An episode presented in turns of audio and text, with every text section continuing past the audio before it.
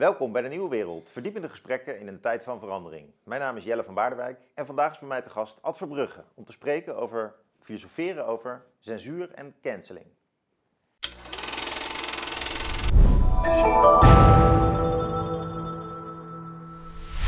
Ad. Hey, Jelle. Ja, leuk. We gaan het hebben over ehm, censuur, democratie Ja. en ehm, wat dat betekent. Maar misschien voordat we dat doen nog een korte huishoudelijke mededeling. Namelijk aanstaande zondag, eh 5 juni, is er een boekpresentatie van de vertaling van Bong Joon-han, eh, De Palliatieve Maatschappij. Leuk als jullie daar komen. Het is om 4 uur 's middags in Amsterdam, in boekhandel Scheltema. En nu ik dat toch aan het vertellen ben, op 9 juli geven we een groot feest, een zomerfeest, ehm, met de Nieuwe Wereld in Rotterdam, in Arminius. Daar zullen hopelijk honderden gasten komen met veel lezingen om te beluisteren en elkaar te ontmoeten. Dat is in de avond op 9 juli. Als je je daarvoor wil aanmelden, stuur dan een e-mail naar redactie.denieuwewereld.tv. Dus ik herhaal, redactie.denieuwewereld.tv. Heel goed. Ad censuur. Ja. Laten we daar eens een filosofische boom over opzetten. Ja, Eh, het is een thema dat we nu eh, vanuit corona op, opnieuw hier vaker hebben doordacht. Maar het speelt veel breder, denk ik. Ja. En het heeft te maken met ehm, dat bepaalde mensen niet aan het woord mogen komen. Of alleen in zekere zin aan het woord kunnen komen. Ook worden uitgesloten van een debat, van een organisatie, van de politieke orde. Hoe kunnen we dat nou eens wat breder filosofisch eh, Ja. afwikkelen? ja. Ja, ik denk eh de, de, eerste belangrijke zet is ehm, dat we kijken ehm, eh, waar heel het idee van de vrijheid van meningsuiting eigenlijk vandaan komt. Want eh, we, we hebben eigenlijk censuur versus vrijheid van, van meningsuiting. Ja, dan moet je terug naar de, eh, de 18e eeuw. Eh nou, daar kun je heel veel over zeggen, maar in het kort is het eigenlijk in de opkomst van ehm, eh, toch de, de, de, de, wat revolutionairdere bewegingen. Zie je dat ehm, eh, mensen die echt een ander, andere staatsorde voorstaan, en dat is de daar natuurlijk eh, met name dan de burgercultuur tegen een, een aristocratisch bewind. Eh, zie je dat ehm, eh, in, in diezelfde periode eh, de, de pers, en dat is in dit geval de krant, dus ehm, ja, ook stukken begint te publiceren die, die, waarin die bestaande orde wordt bekritiseerd. Ja, en daar zie je eigenlijk ook bijvoorbeeld in Engeland hè, dat een parlementslid iets naar buiten brengt wat, wat vervolgens wordt gecensureerd. En dat er het parlement weer tegen eh, in, eh, in opstand eh, komt. En ehm, daar ontstaat eigenlijk echt het idee van ja, de, de, dus een vrijheid van, van meningsuiting die bevochten moet worden. En die samenhangt met, met de positie van een parlement. Met eigenlijk het politiek kunnen bespreken van zaken aangaande het algemeen belang. Dus ziet dat, dat op dat moment vrijheid van meningsuiting en democratie, parlement, want we hadden nog geen parlement, ook in Engeland niet, hè, maar, maar wel al een soort opkomende burgercultuur, dus die tegen die gevestigde orde inging. Ehm, en ook de orde zelf, en de politieke orde zelf, eh, ter discussie stelde. Nou, en dan zie je dus dat vanuit de, de gevestigde orde eh, natuurlijk wordt gepoogd om, om, laten we zeggen, die stemmen, om die eh, de kop in te, te drukken. Nou, dus er wordt censuur gepleegd. Nou, en die, die, die, die 18e eeuw naar de 19e eeuw laat eigenlijk die overgang eh, zien, waarin eh, met, met name dan in de 19e eeuw, die, die, die, ook die vrijheid van meningsuiting natuurlijk een heel belangrijk eh, gegeven wordt. En ja, nog steeds wel betwist.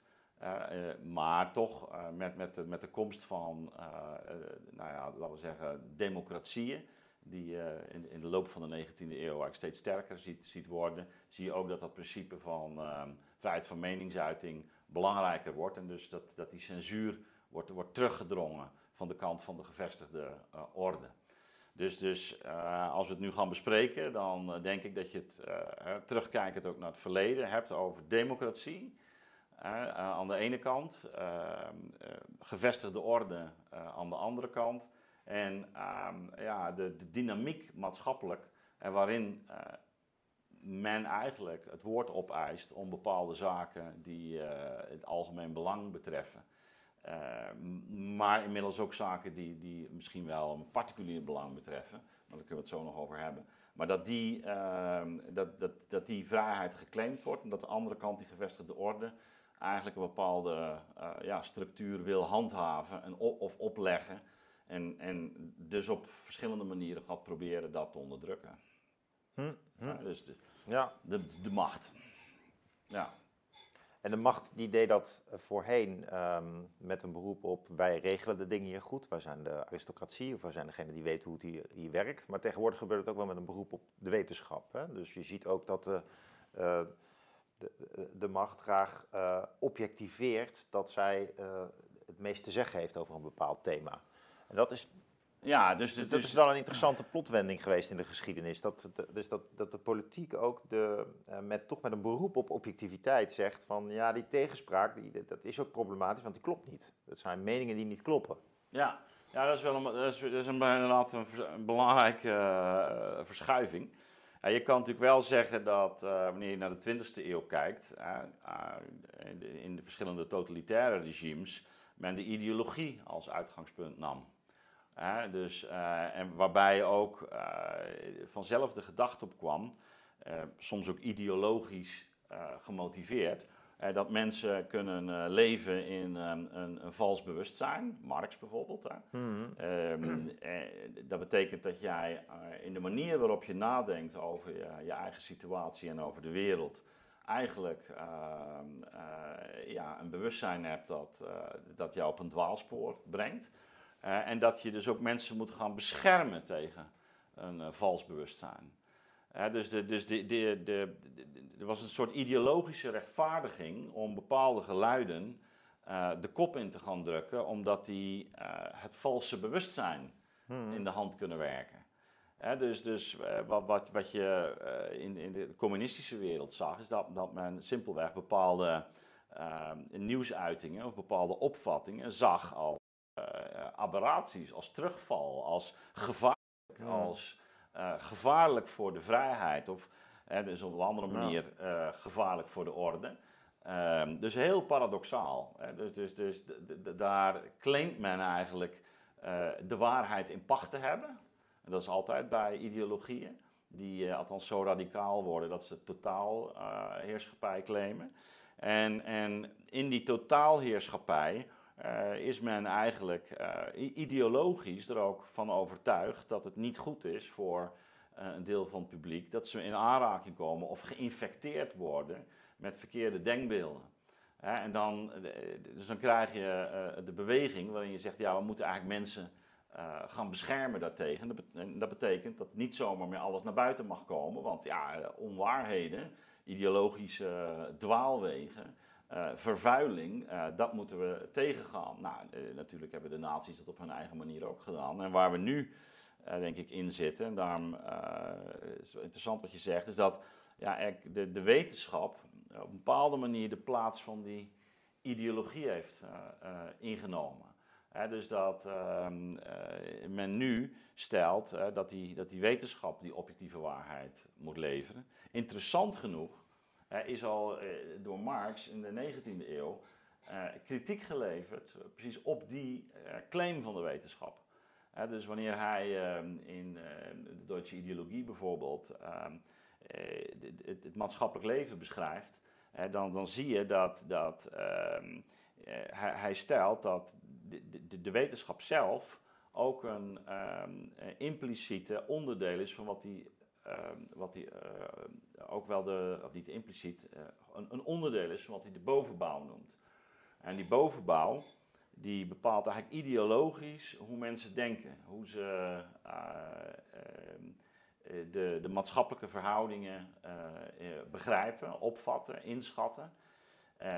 daar rekent hij ook de, de, rechtsvorm toe, maar bijvoorbeeld ook religie, de moraal, maar, maar evenzeer dus de wetenschap. Dus de wetenschap uh, is ook een afspiegeling in dit geval van die economische uh, eigendoms- en machtsverhoudingen.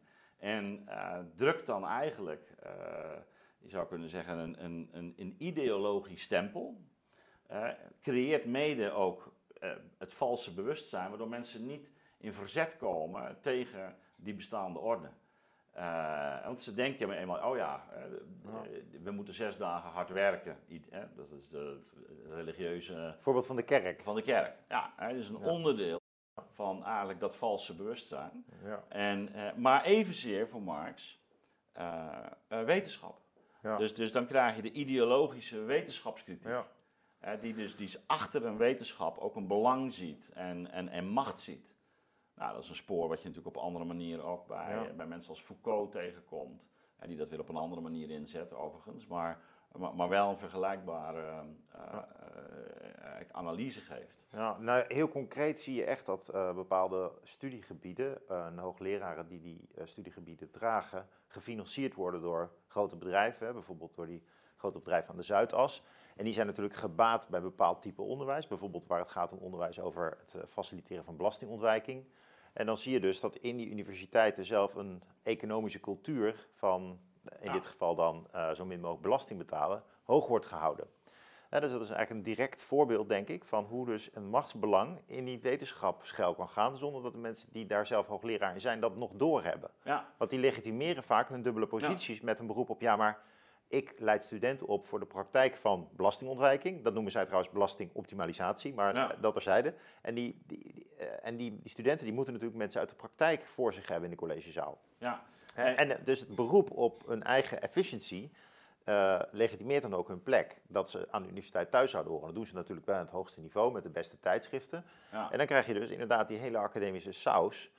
Een, bepaald, eh, een bepaalde subcultuur, een hele dominante economische subcultuur, eh, namelijk die van de wealth Ja. defense industry, zoals dat wordt genoemd. Dus de, ja. de, de, de industrie van accountants, consultants en ehm, adviseurs die ehm, het mogelijk maken eigenlijk dat er, een, dat er een knooppunt is in Nederland van eh, zo min mogelijk belasting betalen. Eh, een knooppunt waar andere landen gebruik van maken. En waar die universiteit dus bovenop zit. Er zit de universiteit bovenop. Ja. Want die biedt die, die, die, die biedt die opleidingen. Ja, nou ja, het is, zelf een van de, de, de schakels. Hè. We hebben natuurlijk ook dat eh, artikel destijds geschreven over die, die vermenging van eh, politieke macht, bestuursmacht, expertmacht. Ons stuk in Elsevier. Eh, ja, en, en, en eh, medi- mediamacht. En welke hadden we nou trouwens nog meer? Kap- kapitaalmacht natuurlijk. En maar dat, de, de- dus kapitaal. En dus dan zie je die vijf assen. Maar natuurlijk, je hebt helemaal gelijk. Eh, dus die, die, die universiteit is onderdeel van dat, van dat, van dat netwerk. Ja. En je had het net over ehm, eh, Byung-Chul Han. eh, die natuurlijk heel sterk de nadruk legt op die eh, neoliberale eh, revolutie. Nou, eh, dat is natuurlijk een, eh, laten we zeggen, ook een, eh, een aanduiding. De vraag is of een echte neoliberaal de huidige orde nou wel neoliberaal zou vinden, maar het is een aanduiding voor een bepaalde verschuiving, waarin je wel ziet hoe die, eh, zowel die eh, economisering en die rationalisering eh, ja, een heel groot stempel gaan drukken op, op hoe wij de wereld inrichten. En, maar ook, en dat is heel belangrijk, hoe wij als, als mensen eigenlijk geïndividualiseerd worden en onszelf percipiëren. Dus dus het, het, heeft die twee Ja. bewegingen. Hè. Neoliberalisme is niet alleen maar een, een soort economische theorie, het is, het is ook een levensfilosofie. hè. Zelfoptimalisatie. hè. Dus dat is wat, wat bij Han heel duidelijk ook eh, eh, speelt. Heel het idee van ehm, dat, dat, dat, dat dat individu zijn eigen levensproject eh, is Ja. geworden. Nou goed, even een ander spoor. Is Maar- natuurlijk ook een halve waarheid. Hè? Nee, Je, je, je moet ook als leven, je, je, moet- je eigen leven ook de hand eh, nemen. Ja, de vraag is alleen in welke zin en hoe je, dit, hoe Ja. hè, hoe je heb je het dan over carrière maken of heb je het over beelddoen? Eh, dat is dan- hoe je dat optimum begrijpt. hè. Juist. En, en, hè, Ja. dat is dus, dus, goed, dat is even de... eh, nou, en je kunt natuurlijk wel al afvragen van, eh goh, misschien wil ik wel naar het optimum van mijn gezin, of wel het optimum van mijn relatie, of het optimum van mijn school. Dat is al een heel andere benadering. ja. Hè, Aristoteles spreekt over het gemeenschappelijk goed. En probeer je nu te zeggen dat eigenlijk binnen de universiteit zelf eigenlijk die keuze al niet meer mogelijk lijkt te zijn? Dus de universiteit die stuurt zelf al waarschijnlijk heel erg onbewust aan Ja, op ja. zo'n optimalisatieleven a- in de zakelijke zin van het woord. Bijvoorbeeld al met het, het arrangement aan studies dat ze aanbiedt. Ja, en wat nu de nieuwste plannen, hè, die, die, die Dijkgraaf presenteert en die in het hoger onderwijs ziet, waarin die student kan gaan shoppen en, en hè, dus zelf kan werken als een eigen portfolio en Ja. niet meer aan één opleiding Dat zit. zegt- Dat hoort eigenlijk ook bij, ehm, ja, bij, bij diezelfde beweging. Ja, doe me Maar- ook een beetje denken aan de nieuwe studie van Amalia, de studiekeuze, de, de studiekeuze van Amalia. Die heeft ook zo'n brede studie gekozen. Hè? Eh, law, economics, politics en psychology. Maar het gaat nog slag, slag verder. Hè. In de nieuwste plannen zit je ook niet meer aan die plaats vast. en daar, daar, dat hoort dus ook bij de hybridisering van het onderwijs. Want dan kun je ook gewoon thuis van achter je bureau uh, colleges gaan volgen in Groningen of uh, misschien zelfs wel binnen Europa. Hè. Dus dan, dan wordt het gewoon allemaal uh, pakketten die, ja. die je samenstelt. Maar goed, um, ja? Nou, ik dacht dat je die lijn wilde oppakken die we eerder hebben besproken ja. hier in een kritisch gesprek over onderwijs. Namelijk van, als je nu nog tegenspraak wil organiseren, als je ergens voor wil staan um, en um, een, een, mening wil kunnen uiten die, die, die, goed onderbouwd is, dan is het ook gemakkelijker vanuit een vakgebied. Hè? Dus je gaat studenten opleiden op een, op een hybride manier, op een sprokkelmanier. En dan maak je mensen natuurlijk ogenschijnlijk heel kritisch, maar tegelijkertijd natuurlijk uh, oppervlakkiger. Ja? Dus de, de beelding wordt moeilijker dan. Ja. waarom? Omdat je dus overal wat anders hoort. En je wordt eigenlijk per definitie pluralist dus ja, het zou zo kunnen, het zou ook zo kunnen. En uh, dan komt iemand met een bepaalde opvatting, bijvoorbeeld over wat uh, de wetenschap van de virologie zegt over corona. En dan, ja, dan sta je daar natuurlijk als breed opgeleide ook wel met lege handen. Ja. Dus ben je dan nog in staat om tegenspraak te bieden? Want daar ja. gaat het natuurlijk over. Censuur wordt ook toegepast omdat mensen niet meer um, de moed, maar ook de inhoudelijke kennis hebben en de capaciteiten om tegenspraak te bieden. En dat heeft iets te maken ja. met ergens voor staan en ergens voor opgeleid zijn. Ja, nou, het is, uh, dit, dit, raakt eigenlijk aan, aan, verschillende facetten van de problematiek. Hè? Dus het is goed dat je het zo, uh, zo inzet.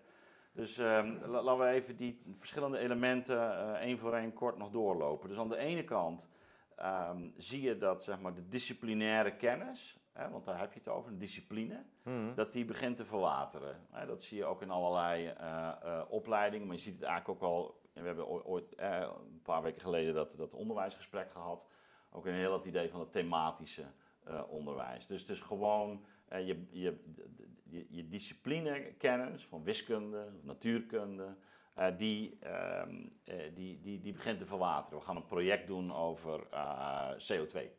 Hè? En, dan, dan op het VWO.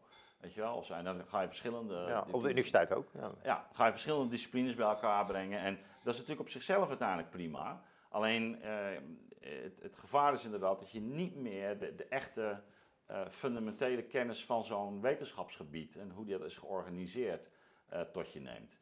dus dat maakt je ergens ook zwakker. Um, van ja, waar gaat het nou echt op terug? Hoe gaat dat in de praktijk? En, als je, en dan gaan schermen met, ja, dit is wetenschappelijk, ja, maar heb je die theorie echt doordacht? Zie je waar die op teruggaat? Zie je wat, wat, de historische lijnen zijn? Zie je wat misschien de blinde vlekken zijn? Hoe het is bekritiseerd? Hoe, dat hoort gewoon allemaal bij een brede, brede ontwikkeling. En van daaruit kun je ook, laten we zeggen, een zekere uh, misschien sceptisch ontwikkelen, of een terughoudendheid, of een relativeringsvermogen. Van nou ja, goed. Hè, dus, ja. dus, dus, je, dus laten we zeggen, dat is eh, op het niveau van, van van mensen heel belangrijk. Als je gewoon goed in iets thuis bent, dan weet je dat je verschillende kanten op kan, dat het allemaal niet absoluut is, dat er relativering is, uh, uh, enzovoort. Dus dat is de, dat is de ene kant. Um, de, de, de, andere kant is um, dat dat er een soort houding kan gaan ontstaan bij mensen is van ja, maar dat is allemaal maar, dat is allemaal maar relatief. Die, bedoel, die zie je dus ook. dat is, uh, uh, ja, goh, ja, de een beweert dit en de ander beweert dat. En, uh, dus dus je, je krijgt, sommigen zeggen ja, nee, wetenschap, maar hebben eigenlijk het niet meer de, de echte kritische vorming. waarin ze ook zien dat die wetenschappelijke waarheid, nou ja, ook nog als bevochten is en soms ook weer ook met macht gewoon te maken? Ja, dus soms, je... soms ook, of met, met bepaalde modes. We zien ook dat er kritiek op ontstaat, uh, enzovoort. Nou, de andere kant is een soort ultieme uh, skepsis. Ja, god, de wetenschap is ook maar een mening. Weet je, dat is een soort, ja. wat we natuurlijk in de filosofie de subjectivering noemen. dus dat is in beide gevallen een, wel een gebrek aan vorming, want het is niet zomaar een mening. dat is, er is iets, iets, iets meer, meer aan de hand. Nou, en dan vervolgens, uh, hoe ga je daar, want je, we hebben het over censuur, hoe ga je daarmee om? En ik denk dat um, uh, wanneer we nu kijken naar uh, het grotere plaatje, dat je zegt van, de, we zien dus dat de levensbeschouwelijke oriëntatie van mensen in het leven, die is natuurlijk enorm geërodeerd. Hè. Dat is de, het mensen die- verlies van geloof. verlies van zeker in Europa. Hè. Dat is de, ehm, dus, dus dat is niet meer wat een primaire richting eh, kan bieden. Nou, dan heb je de ideologische antwoorden gehad, eh, die Verdampt. eh, ja, communisme, socialisme, Liberalisme. liberalisme. Gelooft ook niet eens iemand meer in. Nee, dat is ook, dus dat is ook, dat is eigenlijk ook allemaal. Hebben we gezien in coronatijd, hè? Ja. Wat, wat dat betekent nog. Ja, wat een, wat Vrijheid van meningsuiting is. ook niet echt meer... Nee, nee, dus die liberale grondrechten die zijn eigenlijk ook eh, Ja, langzaam aan het, aan het eh, verglijden, dat merk je. Eh, ja, en de vraag is, wat geeft dan nog houvast? Nou, dan heb je we- sommige mensen die zeggen, ja, we, we kunnen gewoon nu van wetenschap ook zeggen dat het maar een mening is. Hè? Dus die, die, nou, dan heb je anderen die, die zeggen, nee, maar wetenschap. Nou, en, en ondertussen eh, heb je een politiek die niet echt meer een maatschappelijke visie heeft, die lange tijd dat neoliberale heeft eh, omarmd, Ehm, maar die, die toch beslissingen moet gaan nemen. Mhm. En die op spannende mom- momenten dus ook dat moet, eh, misschien wel moet gaan doordrukken. Nou, en, en daar wordt die wetenschap opnieuw eigenlijk instrumenteel ingezet. Hè, dat je zegt van, eh, we gaan gewoon, en dan is de discussie klaar. Ja. We willen corona de nek omdraaien, geef ons de argumentatie. Ja, dat is de, precies. Ja. We, we moeten iets doen. Eh, Zeg maar wat, eh, eh, wat de beste Ja. manier is. En dan krijg je dus meer die ja, rationeel technocratische benaderingen. die die ja, gewoon zekerheid moeten bieden. We hebben dit probleem, kunnen we oplossen. Er zit er ook, hier- hier- hiernaast wat je vertelt, is er ook een eh, trend gaande van dat, dat iedereen steeds meer in de pas lijkt te moeten lopen. Dus bijvoorbeeld, ehm, hoeveel dissidenten werken er nou nog bij de kranten of op de universiteiten? Mensen die dus actief een andere visie hebben op de, op de wereld, waar anderen ook van zeggen, nou, daar kan ik in ieder geval eh, van leren nadenken. Of dat lees ik graag in de krant, want dat is weer eens wat anders om te horen. Ja, dat was natuurlijk, op een of andere manier had dat eh, vroeger veel meer een plek binnen de instituties.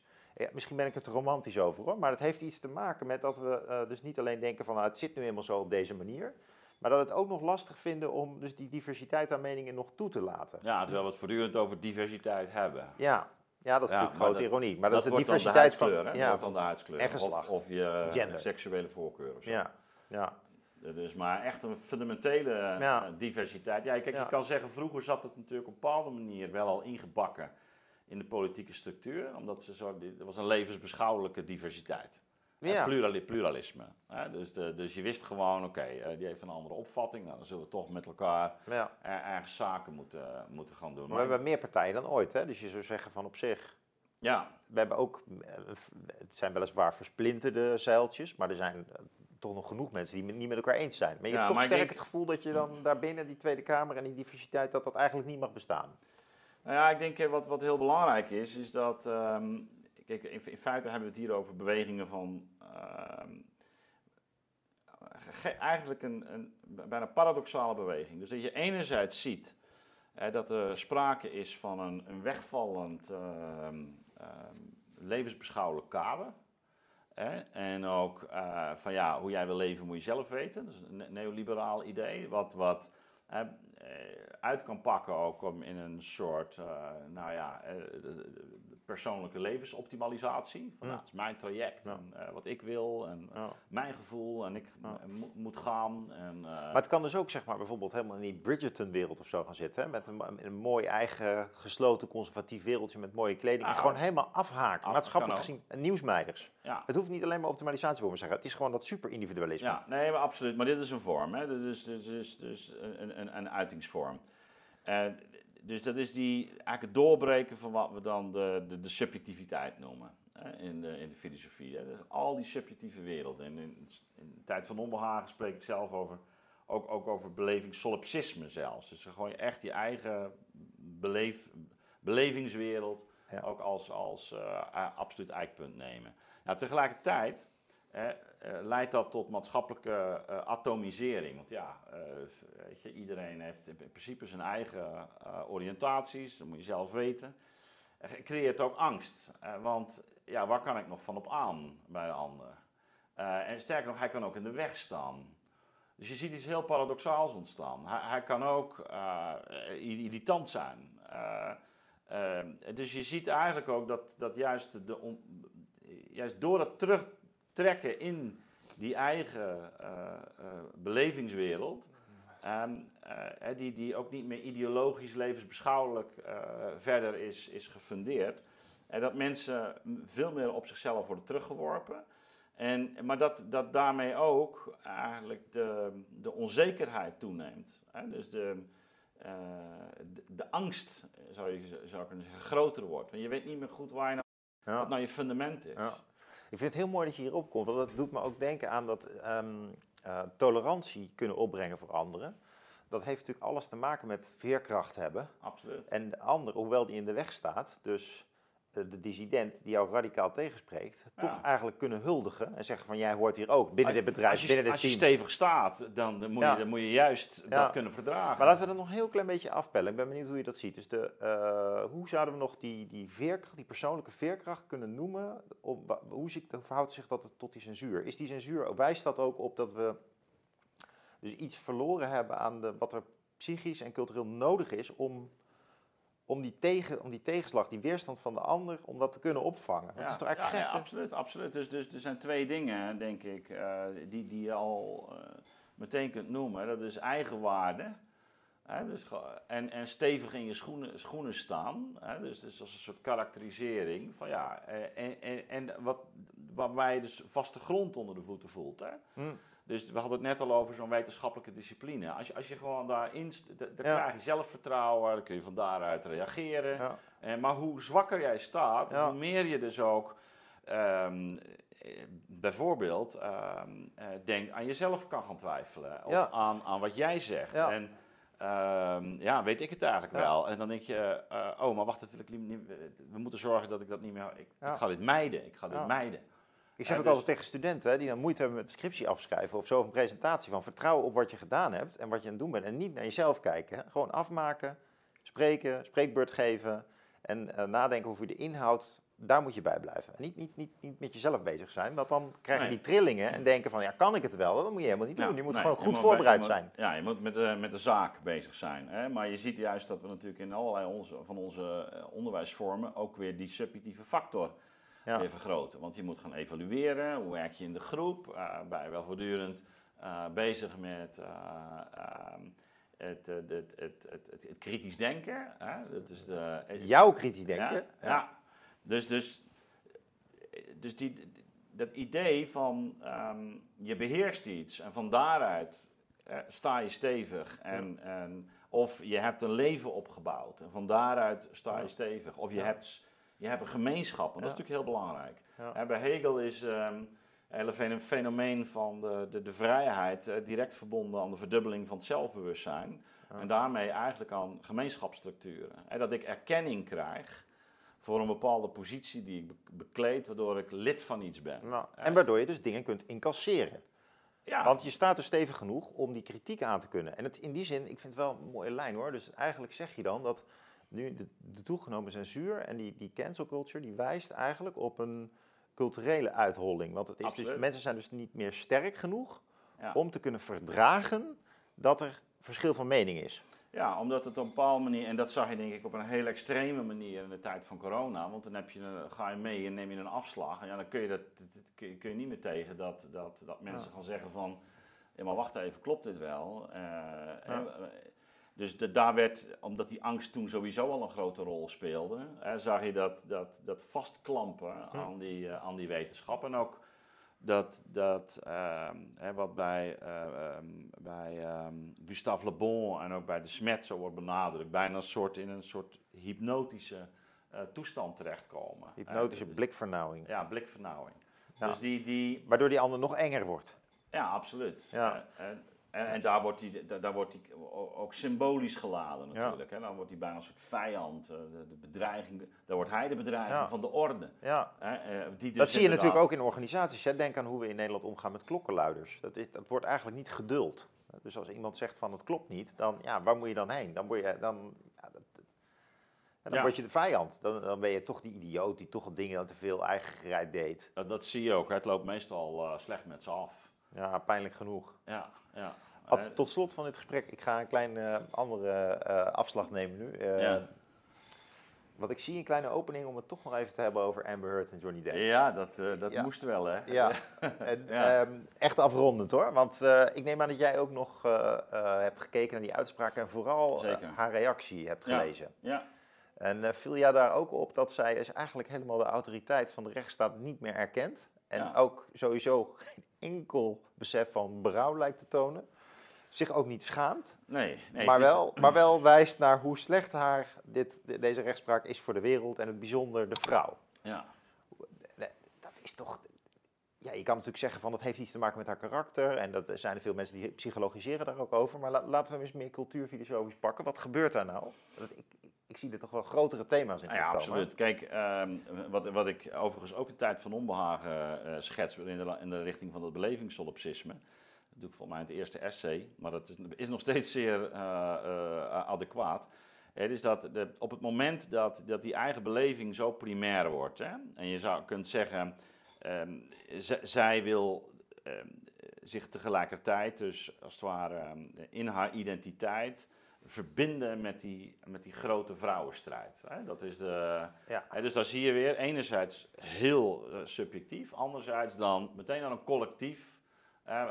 niet ideologisch, maar toch quasi-ideologisch. Want deze groep van onderdrukten, hè, die, die, eh, waar ik mij dan eh toe schaar en waarin ik mijn persoonlijke geschiedenis eigenlijk bijna ja, mythologiseer. Hè. Dus ik maak er een, een soort grote, eh, eh, bijna ja, eh, culturele, historische mythe van. Ik ben En een slachtoffer van Ja. de mannelijke cultuur. Waarin dingen worden onderdrukt, waar je dingen niet kan uitspreken. Ja, en ik hertel mijn eigen identiteit dus in dat grotere narratief. Precies. En, en wat dan gebeurt, is dat dus die, haar eigen beleving en hoe zij dus die wereld recipieert, die uitgesproken subjectief kan zijn overigens, ehm, die, ehm, die ziet het recht zelf gewoon als een onderdeel van dat spel. Van, dus, dus recht eh, is, is niet een... eh, Heeft niks eh, objectiefs meer. heeft niks te maken met de, de, de objectieve, objectieve orde van rechtvaardigheid. Maar is zelf ook een onderdeel geworden van, van macht. Dat is overigens wat je dus precies ziet in die eh, marxistische traditie. Hè. Het, is ook, de, het Ja. recht kan ook worden gezien als een, Bovenbouwconstruct. een bovenbouwconstruct. Net als de Dus universiteit, waarin, waarin ja. de macht wordt eh, Ja. eh, geconsolideerd. Dus zij, zij je zit natuurlijk helemaal niet van in een marxistisch perspectief, maar dan zie je wat er gebeurt op het moment dat die instituties eroderen. Hè, wat we natuurlijk ook in het goede leven de vrije markt hebben beschreven. En dan zie je dus eh, eh, in dit geval, eh, die, ja, dit, is, dit, dit is dus een rechtszaak die eh, op voorhand al, ehm, eh, waarin het recht gewoon onderdeel van het spel is Ja. waarin je een, als individu je strijd Ja. levert. wa- waarin dus ook geen enkele verzoening of zo plaatsvindt. Nee, maar sowieso, je zou natuurlijk zeggen van waarom zijn ze eigenlijk niet voor counseling gegaan of voor relatietherapie? Nee, dit, dit is gewoon een voortzetting van die relatiecrisis met andere middelen die eigenlijk helemaal niet geschikt zijn ervoor. Dus ze, ze, ze snapt ook helemaal niet wat het recht doet in die zin. Ze, ze, Nee, ze, blijven soort- maar doorvechten daar. Hè? En Ja, Dus ja. van verzoening is inderdaad geen sprake. Ja. Nou zie je dat Da- natuurlijk in de geschiedenis wel vaker. Dat is, dat is niet uniek. Maar ik denk wel dat, dat het ook hele media-karakter.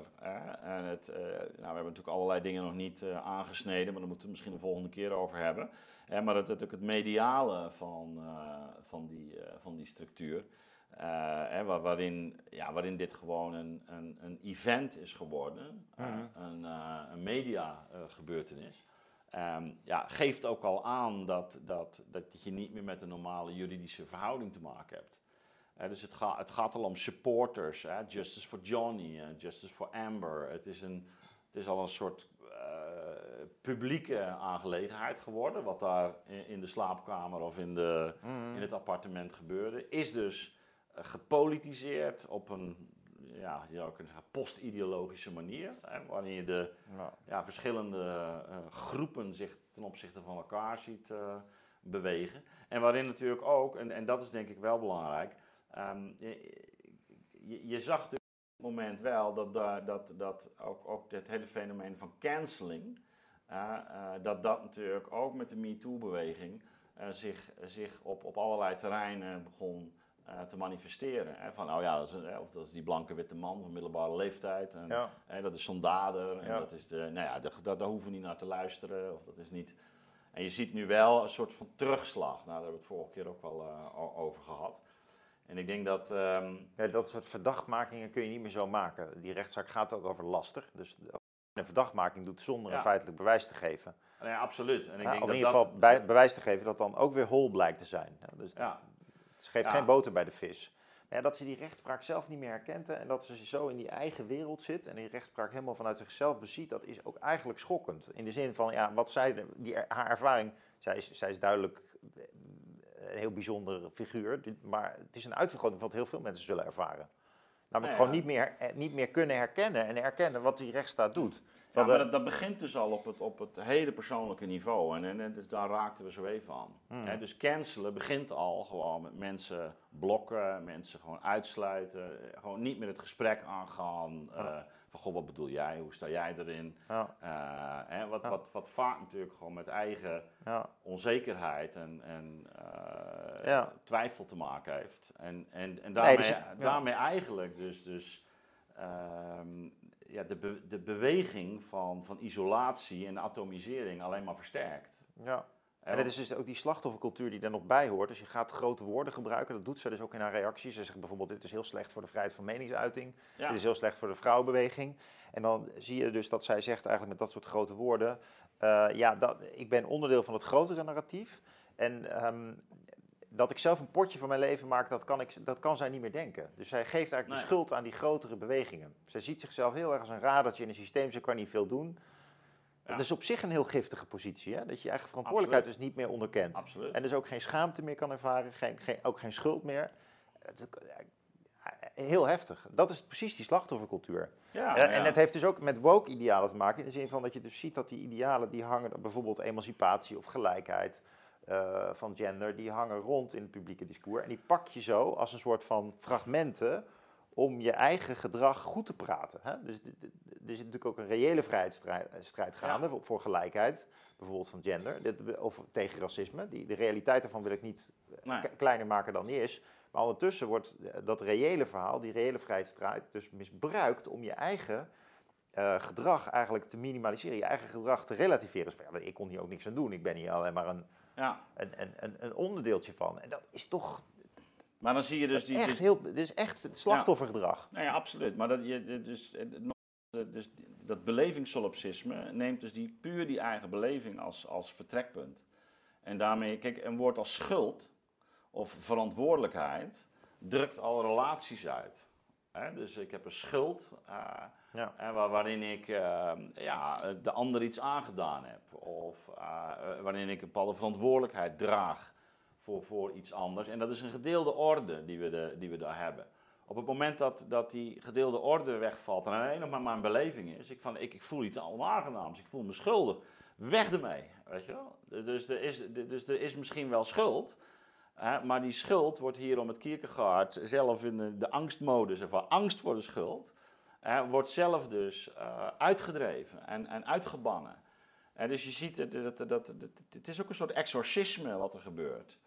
Wat je eigenlijk al bij die vroegere, uh, misschien kijk je nog wel, die shows uh, à la Jerry Springer of zo. Ja. Dus, dus waar eigenlijk individuele ja, huwelijksproblemen of relatieproblemen voor de, de camera werden uitgeleefd. Waarmee je, waarmee je het eigenlijk al uit dus de individuele verantwoordelijkheid. Want het wordt een show.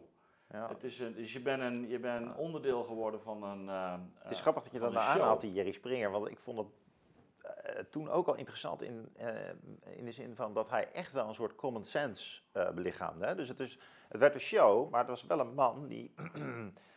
echt een eikpunt, het woord viel al een paar keer eerder in dit gesprek, maar wel echt een moreel eikpunt was. Vond ik binnen die show. Ja, nou kun je, nou kun je wel afvragen. Nee, maar goed, gaat mij om de vorm. Ja, nee, maar dat is... Dus het is toch anders dan Dr. Phil. Hè? Dr. Phil heeft echt natuurlijk ook de, de, de, de taak dat hij ook, laten we zeggen... Ja, nou, die heeft dat nog veel meer natuurlijk. in de hand te houden. Een soort rechter bijna, ja. Ja, in goede banen te leiden. Dat is, dat is iets anders. Ja, misschien haal ik ze ook wel door elkaar trouwens. Nou ja. Ik denk het wel, ja. Ik denk dat je... Dr. Phil heeft een heel duidelijk... Uh, ja. Nou, je hebt een aantal van die mensen. Oprah, uh, ja. Maar, maar goed, dus, dus eh, waar je mee begon, hè, dus over die tegenspraak en de censuur. Hè, dus dat begint natuurlijk al heel klein. Hè, en, en, uh, en, en, en ja, dan hebben we op institutioneel niveau vervolgens ook uh, allerlei uh, fenomenen. Ja. Hè, waarin we gaan cancelen en waarin Ja. we tegenspraak gaan uitschakelen. LinkedIn, YouTube, mensen die je niet gaat uitnodigen eh, voor lezingen die niet meer mogen komen. Maar dat is eigenlijk een spiegeling van deze diepere psychoculturele dynamiek. Ja, met, die dus te maken heeft met, met dat, dat, dat losgeslagen, dat zweven. Zweven Van, eh, van eh, het niet, niet goed opgeleide individu. niet goed gegrond, ja, niet alleen opgeleid, maar ook, ook niet meer goed gegrond zijn. En, en het interessante, dat begint natuurlijk met een bepaalde morele eh, verantwoordelijkheid die je, die je neemt. Ja, En dat is, het is dat- je zelf... Ja, over jezelf, over ja, jezelf. over jezelf. ja. Eh, natuurlijk ook- van jezelf iets vraagt en, eh, en, en, en, en ziet dat, dat, je daarin Ja. ehm, ten opzichte van een ander een, een bepaalde eh, verantwoordelijkheid draagt. En dat, dat, ja, dat zit natuurlijk in allerlei verbanden. Ja, En dat is natuurlijk ook het irritante aan die filosofie die kritisch is over het neoliberalisme. Dat ze vaak te snel redeneren, nou, dit dit is eigenlijk het schema waar je in moet opereren. En eh, ik, ik ben daar zelf het slachtoffer van geworden. Hè. Dus daar is ook in die hele kritische filosofie is eigenlijk weinig ruimte nog voor het nadenken over wat je eigen verantwoordelijkheid in het leven is. Dus we, we hebben het daar vaker over. Dus dat, dat, dat die neoliberale Ja. ordening van de maatschappij en die verandering van het mensbeeld is problematisch. Maar, de, maar die kritiek kan ook doorschieten. En dat is precies dit punt. Hè, dat mensen dus niet meer zelf hun verantwoordelijkheid kunnen nemen. Omdat ze zeggen, ja, maar ja, dat is nou helemaal het kapitalisme. is mijn schuld niet. Nou ja, kijk, uiteindelijk vraagt het natuurlijk ook om een begrip van, van wat zoiets als leven is en samenleven en gemeenschap. En, dat is ook de reden waarom ik eigenlijk al heel vroeg toch ook naar die Griekse denkers ben gegaan. Ook, eh, of, of ook naar iemand als Hegel. Ehm, om, omdat hij juist dat, dat mens zijn begrijpt eh, als altijd al eh, in verhouding staand. Altijd, altijd al deel uitmakend van een, van een wereld. En, en je zou kunnen zeggen dat, dat wat wij nu meemaken is precies die fragmentatie. Ja. eh, die, die dus tot, ook tot allerlei paradoxale eh, eh, reflexen eh, leidt. Ja, de gefragmenteerde cultuur en daarbinnen het verschijnsel censuur denk- en canceling als een, als een verschijnsel. Van een, van een, Van een, van een, Van van een veel bepaald, grotere van een bepaald, problematiek. van een bepaald ethos. Ja. hè, van een bepaald eh, Ja. Ja, eigenlijk maatschappelijke constitutie waar Ja. we in zitten. Ja. Had ik ga hem afronden en ik eh, richt mij nog één keer tot de kijker. Want het zou hartstikke leuk zijn als jullie dit en onze andere soorten gesprekken met ons komen voeren op 9 juli in Rotterdam in de avond. Schrijf je in door een e-mail te sturen naar redactie.denieuwewereld.tv. En we zien jullie bij een volgend gesprek weer. Vond je dit ook een interessant gesprek? Abonneer je dan vooral op ons kanaal. Dan krijg je iedere keer als eerste nieuwe gesprekken. Bedankt voor het kijken en tot ziens.